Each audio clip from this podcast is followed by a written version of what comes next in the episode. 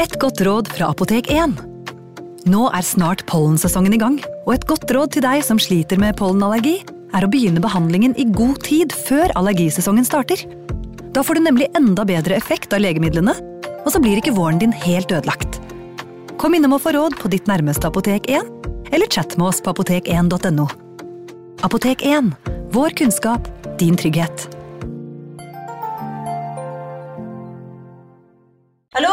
Jeg kommer fra Oslo politikammer. Ine Jansen er purk. Er du purk? The motherfucking bitch. Alt jeg vil, er å finne ut hva som skjedde med mannen min. Jon Carew. Er jeg sikta for noe? Iben Akeli. Det er du. Ole So, Lars Berrum og Big Daddy Karsten. Hvem sin side er du på, egentlig? Anette Hoff, Tone Danielsen, Kommer du fra Afrika? Jørnis Josef, Nesten kløfta. Trond Espen Seim, Det er synd å si det, men det var feil mann som døde. Purk. Premiere tirsdag på TV2 Play. Ungsamtalen fra DNB er økonomisk veiledning tilpasset deg som er ung. Bokk en ungsamtale på dnb.no. slash ung. Det er kjempebra hvis du skal inn på boligmarkedet, hvis det er drømmen din, liksom. Det er det du skulle sagt. Og så kunne du ropt litt mer, da, sånn som jeg gjorde. Bam! Advarsel.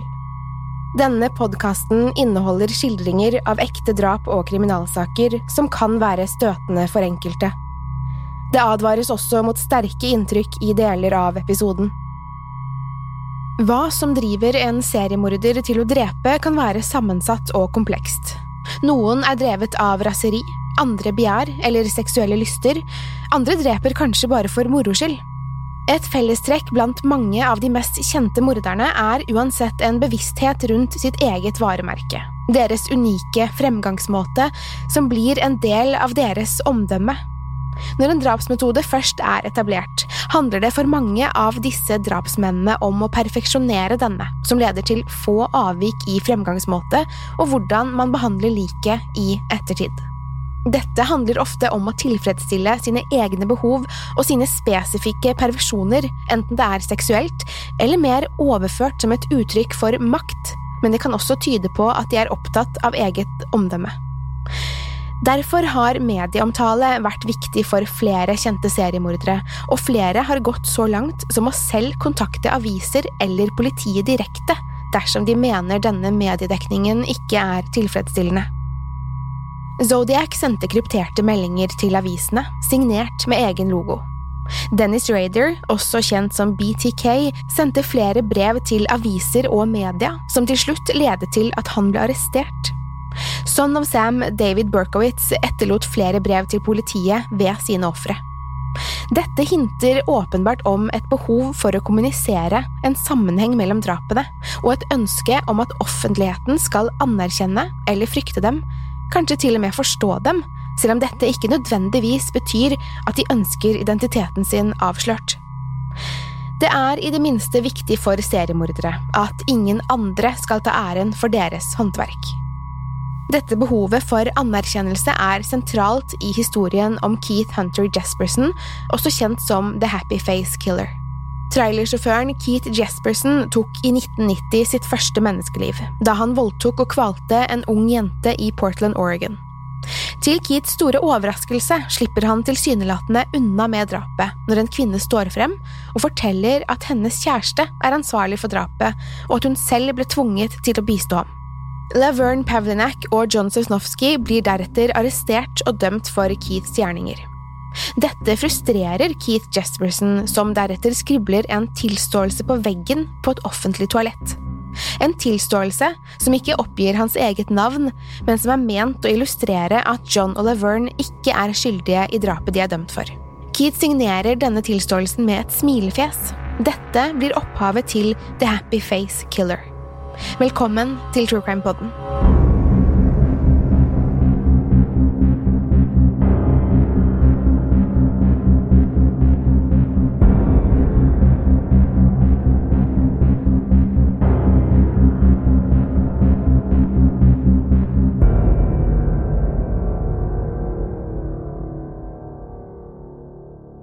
Det er den 23. januar 1990. 23 år gamle Tonya Bennett har dratt ut på byen i Portland, Oregon for å ta noen drinker. Planen hennes var å møte noen venner og ha en hyggelig kveld på et lokalt utested, men Tonya blir sittende alene mens hun drikker tett og blir etter hvert svært beruset. Tonya er en søt, hyggelig og vennlig jente som har en psykisk utviklingshemming. I løpet av kvelden blir hun lagt merke til av en av de andre bargjestene. Det begynner å bli sent når den storvokste 35-åringen Keith Hunter Jesperson kommer bort til henne og introduserer seg selv. Mange ville kanskje latt seg skremme av den over to meter høye, rufsete mannen, men Tanya var like fullt imøtekommende, nesten farlig godtroende i sin tillit til fremmede mennesker. Keith spør om Tanya er sulten, og tilbyr seg å spandere middag på henne, noe Tanya godtar. Keith forteller så at lommeboken hans dessverre er tom, og spør om Tanya vil bli med han hjem for å hente penger, så de kan dra videre og spise et annet sted. De ankommer Keiths hjem, hvor Keith tvinger Tanya til å ha sex med ham. Etter å ha fullført begynner Keith å rakke ned på Tanya og slenger ondsinnede kommentarer etter henne. De begynner å krangle, og det er nå Keith blir voldelig. Han slår henne gjentatte ganger i ansiktet om og om igjen, brutale slag som til slutt gjør ansiktet hennes ugjenkjennelig. Tonja prøver desperat å kjempe imot, men hun var sjanseløs mot Keith, som var en kjempe sammenlignet med henne. Keith overmanner henne enkelt, og med sin ene hånd tar han kvelertak på henne. Med sin ledige hånd finner han frem et tau som han knyter rundt halsen hennes og strammer til så luftveiene blokkeres. Tonya fortsetter å kjempe for harde livet, men Keith strammer til og ser på mens hun trekker sitt siste pust. Etter å ha tatt livet av Tanya returnerer Keith til utestedet i et forsøk på å etablere et alibi dersom han skulle bli mistenkt for Tanyas forsvinning. Litt senere, etter å ha drukket noen øl, drar Keith hjem igjen for å kvitte seg med liket som han har latt ligge sammensunket på soveromsgulvet sitt. Han lemper Tonyas livløse kropp inn i en bil og kjører til et avsidesliggende sted hvor han dumper liket. Gjennom hele hendelsesforløpet behandler Keith liket uten ærbødighet, som et ubetydelig objekt han må kvitte seg med. Etter å ha drukket kaffe på en lastebilholdeplass drar Keith videre og kaster fra seg Tanyas håndveske og andre personlige gjenstander på veien. Tonya Bennett ble Keith Jespersons første offer, men Keith hadde allerede fra barndommen vist en urovekkende oppførsel. Keith Hunter Jesperson ble født i Chilliwack i Canada den 6. april 1955. Keiths tidlige år ble særlig preget av hans dominerende og alkoholiserte far Leslie Les Jesperson. Les var streng mot alle sine fem barn og kunne være både nedlatende og voldelig, men det var uten tvil Keith det gikk hardest utover. Faren tvang også barna sine til å betale for seg hjemme, en sum på 30 dollar i uken, noe som skulle bygge karakter og ansvarsfølelse, men Keith måtte gjøre dette i en mye lengre periode enn søsknene. Les gjorde sitt beste for å bryte ned Keiths selvbilde, og ville blant annet fortelle han at han var altfor dum til å noensinne komme inn på college. Keith hadde hele livet vært uvanlig storvokst, med en høyde på godt over to meter og en stor og tung kropp. Han ble mobbet for dette både av søsknene og på skolen. Barna fant opp kallenavn som Igor, som gjenspeilet at de så på han som nesten et monster eller en skapning ut av en skrekkfortelling. Samtidig ble Keith sett på som annerledes og uforutsigbar, ettersom humøret og følelsene ofte kunne svinge mellom ekstremer, som gjorde at mange så på han som vanskelig å forholde seg til. Denne mobbingen og annerledesheten gjorde at Keith ble veldig sjenert og tilbaketrukket, og han tilbrakte etter hvert mer og mer tid for seg selv, noe som forsterkes av at familien, mot Keiths vilje, forlater Canada til fordel for Washington i USA. Samtidig begynte Keith å vise en tydeligere antisosial oppførsel, og han utvikler særlig en fascinasjon for dyr. Allerede som femåring ville han fange dyr for å så mishandle dem for egen underholdning, før han ofte kvalte dem til døde. Keith hadde ingen omtanke for dyrene, selv om de var levende vesener, behandlet han dem på forferdelige måter, kun for egen underholdning. Senere i livet beskrev Keith hvordan dette fikk han til å føle seg mektig. Med egne ord beskrev han seg selv som Arnold Schwarzenegger. Han likte hvordan dyrene skalv av synet av ham, følelsen av frykt han skapte hos de forsvarsløse hundene og kattene. Det ble en slags rus for han, og han fant en helt spesiell glede i å se livet forsvinne ut av dem. Etter hvert begynte det å drepe å føles som en dagligdags handling for Keith. Visstnok skal faren ha tatt Keith på fersken mens han utførte grov dyremishandling. Antageligvis forventet Keith å bli straffet fysisk av faren, slik han stort sett ble etter hver gang han havnet i trøbbel, men denne gangen reagerer faren helt uventet. Isteden skal Les ha skrytt av hva sønnen hans hadde gjort, og for en sjelden gang uttrykket stolthet over sønnens handlinger. Keith fortsatte derfor denne sadistiske behandlingen av dyr, og begynte etter hvert å fantasere om hvordan det ville være å utføre denne volden mot et menneske, og hvordan det ville føles å drepe. Keith beskrev at denne tanken forble i han i årevis, og utviklet seg etter hvert til en trang som ikke forsvant. Det er påfallende hvordan Keith overførte samme metode som han hadde foretrukket på dyr da han begynte å drepe mennesker, nemlig å kvele dem.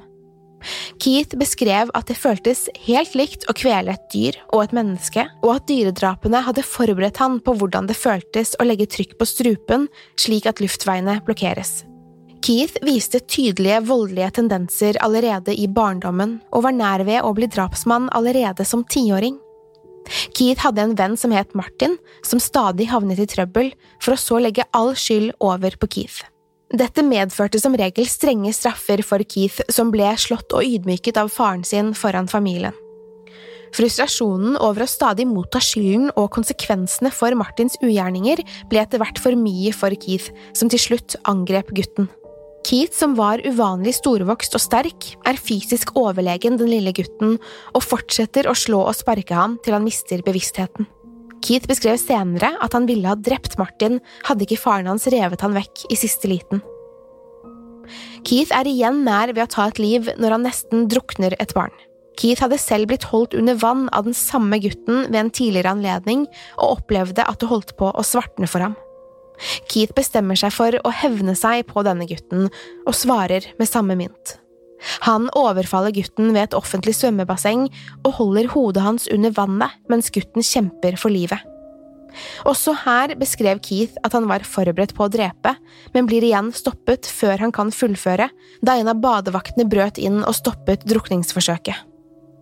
Fra tidlig alder begynner Keith også å interessere seg for jenter, men opplever gang på gang å bli avvist. Keith mister jomfrudommen som 14-åring, en situasjon som han senere beskrev som voldtekt. Hendelsen signaliserer starten for Keiths forstyrrende sammenstilling av seksualitet og vold. Keith forsøker etter hvert å etablere et normalt liv. Han gifter seg som 20-åring med Rose Huck, og sammen får de etter hvert tre barn. Han finner arbeid som trailersjåfør, som medfører lange reiser på tvers av USA, som igjen innebærer at han tilbringer mye tid vekk fra familien. Familielivet bringer ikke med seg mye lykke for Keith, og ekteskapet begynner etter hvert å slå sprekker. Rose mistenker blant annet at Keith er utro mot henne, og det leder til at de skiller seg i 1990 etter 15 års ekteskap. Rose pakker kofferten sin når Keith er ute på en av sine lange turer, hun forlater han og tar med seg barna. Etter dette hadde Keith kun sporadisk kontakt med familien sin. Men det er ikke bare i privatlivet Keith opplever motstand. Hans store drøm var å søke seg til The Royal Canadian Mountain Police, men pådrar seg en alvorlig skade under en treningsøkt når han faller under en klatreøvelse. Skaden er såpass omfattende at Keith må legge drømmen om å bli politi død. Denne motgangen leder til en bitterhet og frustrasjon som vil vise seg å være utslagsgivende i å fremprovosere Keiths morderiske side. Keith er nå uten familien sin og tilbake på veien som trailersjåfør. Drømmen hans om å bli politimann er død for alltid. Keith blir igjen konfrontert med ensomheten han kjente så godt fra barndommen. Sinnet og aggresjonen han har båret på hele livet, returnerer nå sterkere enn noensinne, og gamle impulser vokser igjen inni han. Samtidig innser Keith at hans flyktige livsstil som trailersjåfør også fører med seg visse muligheter. Han møter mange kvinner på veien, ofte på mørke barer, haikere og prostituerte langs veien på trailerholdeplasser der ingen kjente ham eller engang visste hva han het. Keith begynner etter hvert å introdusere seg selv med en rekke ulike aliaser, noe han også gjør den 23. januar 1990, når han møter, og senere på kvelden, voldtar og dreper Tonya Bennett. Liket til Tonya Bennett blir oppdaget av en tilfeldig forbipasserende, og hun identifiseres etter hvert av familien. På dette tidspunktet er det ingenting som knytter Keith til drapet. Politiet ser ikke ut til å ha betydelige spor å gå etter, og Keith fortsetter å gå fri. Det er nå Laverne Pavlinac står frem. Laverne er en 57 år gammel kvinne med en unik interesse for kriminalsaker. Hun har fulgt Tanya-saken med argusøyne og ser her en mulighet som hun bestemmer seg for å utnytte. Hun kontakter politiet og forteller at det er hennes kjæreste, John Sosnowski, som står bak drapet på Tanya Bennett. Hun beskriver hvordan John hadde tvunget henne til å hjelpe han mens han voldtok Tanya, for å så drepe henne og dumpe liket der Laverne hadde lest at Tanya ble funnet. John var voldelig mot Laverne, og Laverne hadde bestemt seg for å benytte drapet på Tanya som en mulighet til å hevne seg ved å få John dømt for noe han ikke hadde gjort. John Sesnowski var tidligere straffedømt, som ga Lavernes tilståelse troverdighet i politiets øyne. Laverne hadde riktignok ikke regnet med at hun selv ville bli implisert som medskyldig i drapet. Med trusselen om dødsstraff hengende over seg, tilstår John Sesnowski til slutt drapet, til tross for sin uskyld, for dermed å heller motta en livstidsdom. Laverne blir selv dømt til ti års fengsel for medvirkning til drap noe som medfører at hun forsøker å endre sin forklaring. Laverne innrømmer å ha diktet opp det hele, men det har nå gått så langt at ingen tror på henne. Det var på dette tidspunktet ingen mistanke rettet mot Keith Jesperson, men denne tilståelsen medfører at politiet nå er sikre på at de har arrestert Tonyas drapsmann. Med dette kan Keith uten frykt for politiets mistanke fortsette sin drapstokt. Likevel var Keith åpenbart svært misfornøyd med at noen hadde blitt dømt for et drap han hadde utført. Kanskje var det motivert av at han ikke fikk oppmerksomheten han følte han fortjente, at noen andre tok på seg æren for hans drap, hans eget håndverk. Det var nok uansett ikke av medlidenhet overfor John Sosnowski eller Laverne Pavelnak at Keith bestemte seg for å skrible en tilståelse på en toalettvegg på en lastebilholdeplass. Jeg drepte Tanya Bennett 21. januar 1990 i Portland, Oregon, skrev han. Jeg slo henne i hjel, voldtok henne, og jeg elsket det. Ja, jeg er syk, men jeg koste meg også. Noen andre tok skylden, og jeg er fri. Denne tilståelsen signerte han med et smilefjes som ville bli Keiths kjennemerke, kilden til hans kallenavn i pressen, The Happy Face Killer. Keith følger opp med en lignende tilståelse skriblet på en annen vegg, i en helt annen stat i USA, men dette blir ikke sett på som gyldig bevis i rettssaken, og John og Laverne blir like fullt funnet skyldige for drapet. Keith Jesperson ser seg nødt til å ty til mer direkte metoder når disse anonyme graffititilståelsene ikke medfører noe resultat. Han sender en rekke brev til avisen The Oregonian, der han i detalj beskriver drapet på Tanya, så vel som de påfølgende drapene han har utført. For Keats drapslyst ble ikke temmet av drapet på Tanya. Det tar riktignok nesten to år før hans neste offer blir funnet, en uidentifisert kvinne som Keith kalte Claudia. Når Claudia blir funnet, er kroppen allerede svært forråtnet, men under etterforskningen finner man tegn på at hun hadde blitt voldtatt og kvalt til døde. Etter dette blir Keats drapsbegjær tilsynelatende umulig å kontrollere, og fra august 1992 dreper han med en helt annen frekvens. Det tar kun en måneds tid før Keats tar livet av sitt neste offer, Cynthia Lynn Rose. Cynthia Lynn Rose blir også funnet kvalt til døde. Ifølge Keith var hun en prostituert han hadde plukket opp langs veien. Fra november 1992 til januar 1995 dreper han ytterligere fire kvinner, Laurie Ann Pentland, to uidentifiserte kvinner og en kvinne ved navn Angela Surbrice. Alle var kvinner han hadde plukket opp i traileren sin, i stater på tvers av USA, i California, Florida, Oregon og Washington kvinner Keith ikke hadde noen tidligere relasjon til. Alle hans ofre ble drept på lignende måte, de ble alle seksuelt misbrukt og kvalt til døde, som ga et sammenfallende bilde av drapsmetode. Flere av Keiths ofre var prostituerte, eller omstreifende kvinner som ikke umiddelbart ville bli meldt savnet av familie eller venner. Angela Surbrice ble riktignok behandlet enda verre av Keith etter hennes død. For å eliminere muligheten til at liket hennes skulle bli identifisert, knyttet han kroppen hennes fast under lastebilen sin, slik at ansiktet og fingeravtrykkene skulle slites av langs veien. Til tross for at disse kvinnene blir drept på lignende måte og alle dumpet på avsidesliggende steder, har ikke politiet klart å identifisere et sammenfallende mønster mellom drapene enda, som følge av manglende geografisk tilknytning mellom åstedene. Keats åttende og siste drap skiller seg riktignok fra de tidligere, og blir til slutt avgjørende for at han blir identifisert og arrestert. I 1995 hadde han forlovet seg med Julie Ann Winningham, men hadde etter hvert begynt å mistenke at hun utnyttet han for pengene hans. I motsetning til alle sine tidligere ofre var det flere som kjente til Keiths relasjon med Julie.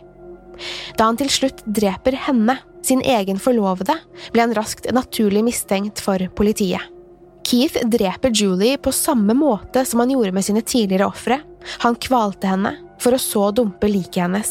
Men når venner av Julie tipser politiet om Keith, innser han at det ikke er lenge før han vil bli arrestert, og blir desperat. Han forsøker i forkant av sin arrestasjon å ta sitt eget liv to ganger. Han tar en overdose sovepiller, men han feiler begge gangene. Keith sender til slutt et brev til familien sin der han tilstår hva han har gjort, blant ett til broren sin, hvor han skriver. Jeg har drept en kvinne i lastebilen min under en krangel. Med alt beviset mot meg ser det ut som jeg virkelig er det sorte fåret i familien. Det kommer til å bli en rettssak. Jeg er sikker på at de vil drepe meg for dette. Jeg er lei for at det endte opp slik. Jeg har vært drapsmann i fem år, og jeg har drept åtte mennesker. Angrepet enda flere. Jeg har nok ikke lært noen ting. Pappa var alltid bekymret for meg på grunn av alt jeg gikk gjennom med skilsmissen, økonomien osv. Jeg har tatt ut på andre mennesker. Jeg håpet de skulle ta meg. Jeg tok 40 sovepiller i går, men våknet uthvilt. Natten før tok jeg to pakker, men uten resultat. De vil arrestere meg i dag. Etter å ha blitt arrestert ba Keith broren om å brenne brevet, men etter å ha konsultert med en advokat valgte broren å overlevere brevet til politiet. Dette brevet ville bli viktig i politiets etterforskning og den endelige dommen mot Keith. Ikke bare fordi han i brevet tilsto flere drap, men fordi håndskriften ble matchet opp mot brevene han tidligere hadde sendt som The Happy Face Killer. Det er ikke bare håndskriften som matcher, også Keiths beskrivelser av drapshandlingene er med på å overbevise politiet om at Keith Jesperson er The Happy Face Killer. I brevene beskrev Keith detaljer som kun morderen og politiet ville være klar over, som igjen pekte mot en tilknytning til flere drap. Samtidig begynner politiet å samkjøre etterforskningen på tvers av ulike politijurisdiksjoner, der de ser etter drap utført langs Keiths jobbreiserute. Med mange uoppklarte drapssaker og uidentifiserte lik funnet langs disse rutene, begynner de å etterforske muligheten for at Keith var involvert i så mange som 16 av disse sakene. Samtidig begynte de å sammenligne fysiske bevis fra åstedene, og analyserte funn av kroppsvæsker og annen DNA opp mot Keith. Det ble gjennom avhørene og Keats uttalelser tydelig at han hadde en strategi der han forsøkte å fremstå angrende og sympatisk med et klart mål om å unngå dødsstraff. Likevel kunne han skifte mellom å uttrykke empati for sine ofre og kort tid senere referere til dem som søppel. Han gjorde også forsøk på å skape usikkerhet om hvorvidt han faktisk var skyldig i drapene han var anklaget for. Keith virket etter hvert å finne en glede i å lyve til både politi og presse, og kunne dikte opp lange, detaljerte forklaringer på sparket under avhør. Som følge av den geografiske spredningen i Keats drap blir han avhørt for en rekke ulike saker, blant annet i tilknytning til drap utført av Gary Ridgway, The Green River Killer. I disse avhørene tilsto han så mange som 160 drap, men det ble snart sett på som lite sannsynlig at han var ansvarlig for mer enn de åtte han tidligere hadde innrømmet, og Keith trekker også tilbake disse tilståelsene senere. Fra fengselet får Keith smuglet ut nok et brev, adressert til Washington-avisen The Colombian. I brevet innrømmer Keith at han er The Happy Face Killer, og beskriver at han hele tiden ønsket å bli tatt, så han ikke lenger kunne drepe. Videre skrev han at han angret sine handlinger, følte med ofrenes familier, og at han hadde blitt fortalt av Gud at han måtte fortelle sannheten. Han beskrev også en misnøye med å vite at John Sesnowski satt fengslet for et av hans drap. Han avsluttet brevet med å skrive. De fleste vil si jeg er et monster. Jeg er ikke et monster. akkurat som filmen Jurassic Park ble jeg skapt av mennesker. Han kunne på overflaten kanskje fremstå som en angrende mann som forsøker å tilstå sine synder og dermed hindre at en uskyldig mann må sone hans straff.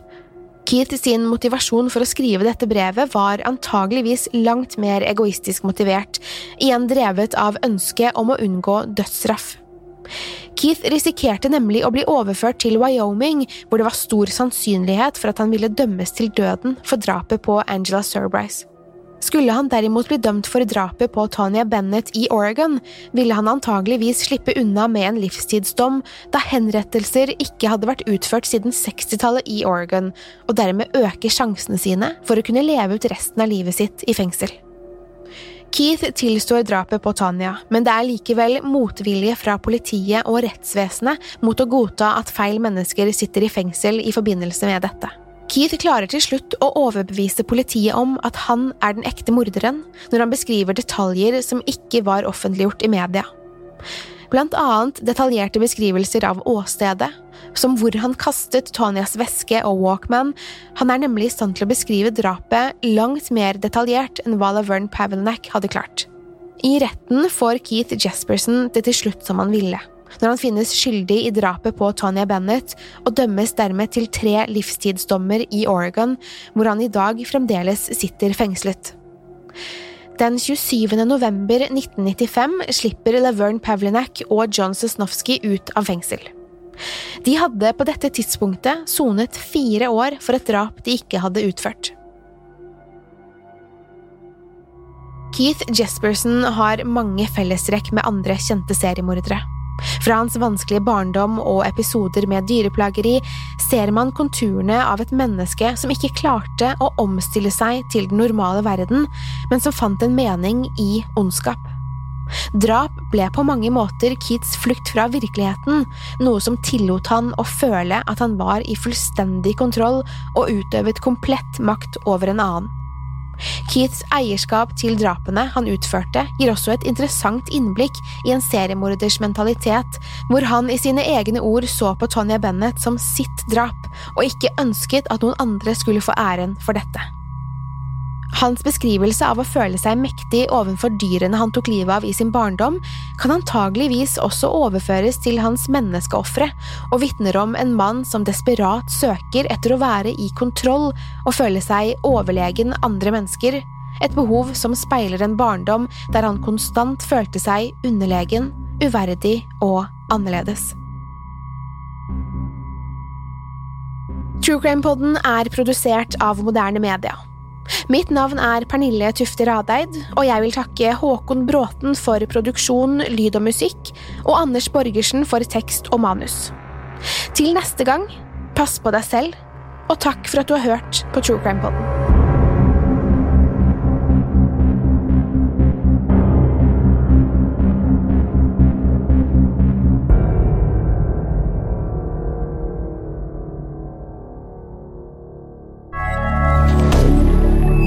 Media. Har du et enkeltpersonforetak eller en liten bedrift? Da er du sikkert lei av å høre meg snakke om hvor enkelt det er med kvitteringer og bilag i fiken, så vi eh, gir oss her, vi. Fordi vi liker enkelt. Fiken superenkelt regnskap. Hei! Takk for at du lytter til True Crime Podden. Skulle du ønske at du kunne høre en ny episode av denne podkasten hver eneste uke? Vel, da er det bare å laste ned podkastappen Untold med en gang.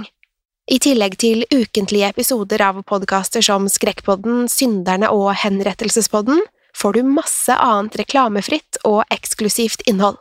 Last ned Untold i AppStore eller Google Play, og start din 30 dagers prøveperiode i dag.